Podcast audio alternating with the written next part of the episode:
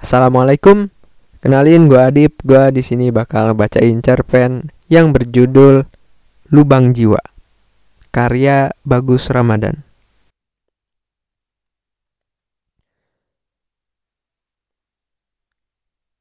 Malam itu ia terjaga dalam remang-remang lampu LED biru yang masih menyala. Tubuhnya penuh peluh yang bercucuran. Efek panasnya iklim kota. Kota yang tidak pernah tertidur. Kota yang membawanya tumbuh dewasa. Kepalanya begitu panas, berpikir tanpa batas. Ia mencari sesuatu, sesuatu yang bisa membuatnya puas jawaban. Jawaban yang ia percaya akan membuatnya tumbuh berkembang. Benarkah? Ia meragukan diri. Perlahan malam itu tanpa ia sadari, bukan jawaban yang ia dapati. Tapi ada sosok lain yang menghampiri. Sosok itu menyelinap dari hati, menuju jiwanya dan menggali. Mengubur harap dan melahirkan lubang jiwa. Raganya terlihat begitu segar, berat badannya bertambah. Baik-baik saja. Namun jiwanya mengering, hingga kurus kering. Sekarat. Lubang itu menganga begitu besar dalam benak dirinya. Namun ia abaikan begitu saja. Ah, masa bodoh. Aku masih bisa hidup. Cetusnya. Sayangnya, itu bukan sesuatu yang bisa ia berikan untuk orang lain. Interaksi manusia menjadi pintu terbukanya cacat jiwa. Ia baru menyadari saat malam itu ia menaruh perhatian pada seseorang. Orang yang membawanya terbang ke angan-angan. Cerita-cerita menerbangkannya menjulang. Ia bersamanya bertualang.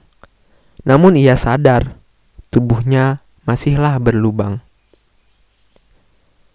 Tahukah engkau, lubang itu mampu menghisap seluruh energi kebaikan dan mengubahnya menjadi kegelapan, melahirkan sorot jiwa yang redup, remang, padam.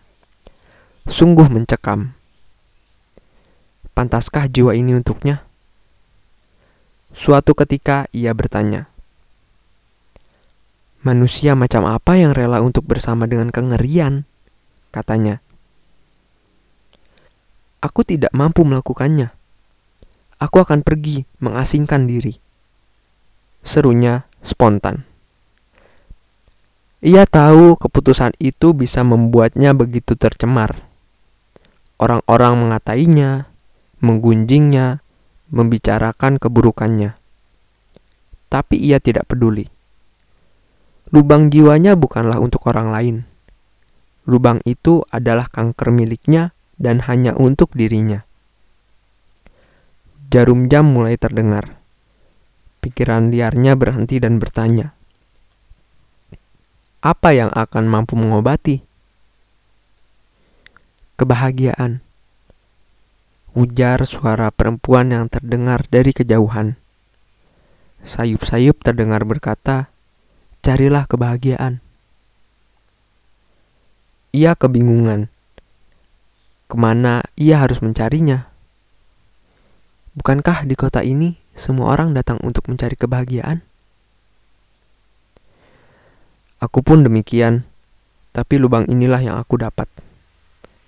Katanya lirih dalam hati.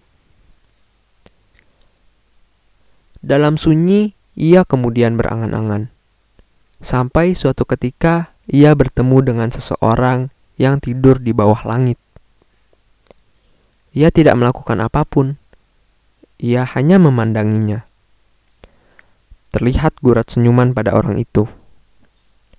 Sementara ia begitu tenang memperhatikan. Di antara gigitan serangga mematikan, orang itu dengan pulas tersenyum. Entah apa yang terjadi dalam kepalanya. Ia seperti begitu bahagia, dan aku merasa bahagia melihatnya. Gumamnya. Ia menyadari sesuatu dan berbicara pada lubang jiwanya. Dirimu rela terisi dengan kebahagiaan orang lain. Jika memang seperti itu, aku akan berikan. Tapi temanilah aku. Setuju. Jawab sang lubang tiba-tiba. Sejak saat itu, ia memilih untuk membahagiakan orang lain. Sementara ia menyendiri berdua dengan diri. Menyepi dalam ruang-ruang yang entah kapan akan terisi. Ilusi yang akhirnya membuatnya tertidur malam ini. Selesai. Terima kasih telah mendengarkan bacaan cerpen dari gua. Kurang lebihnya mohon maaf. Wassalamualaikum.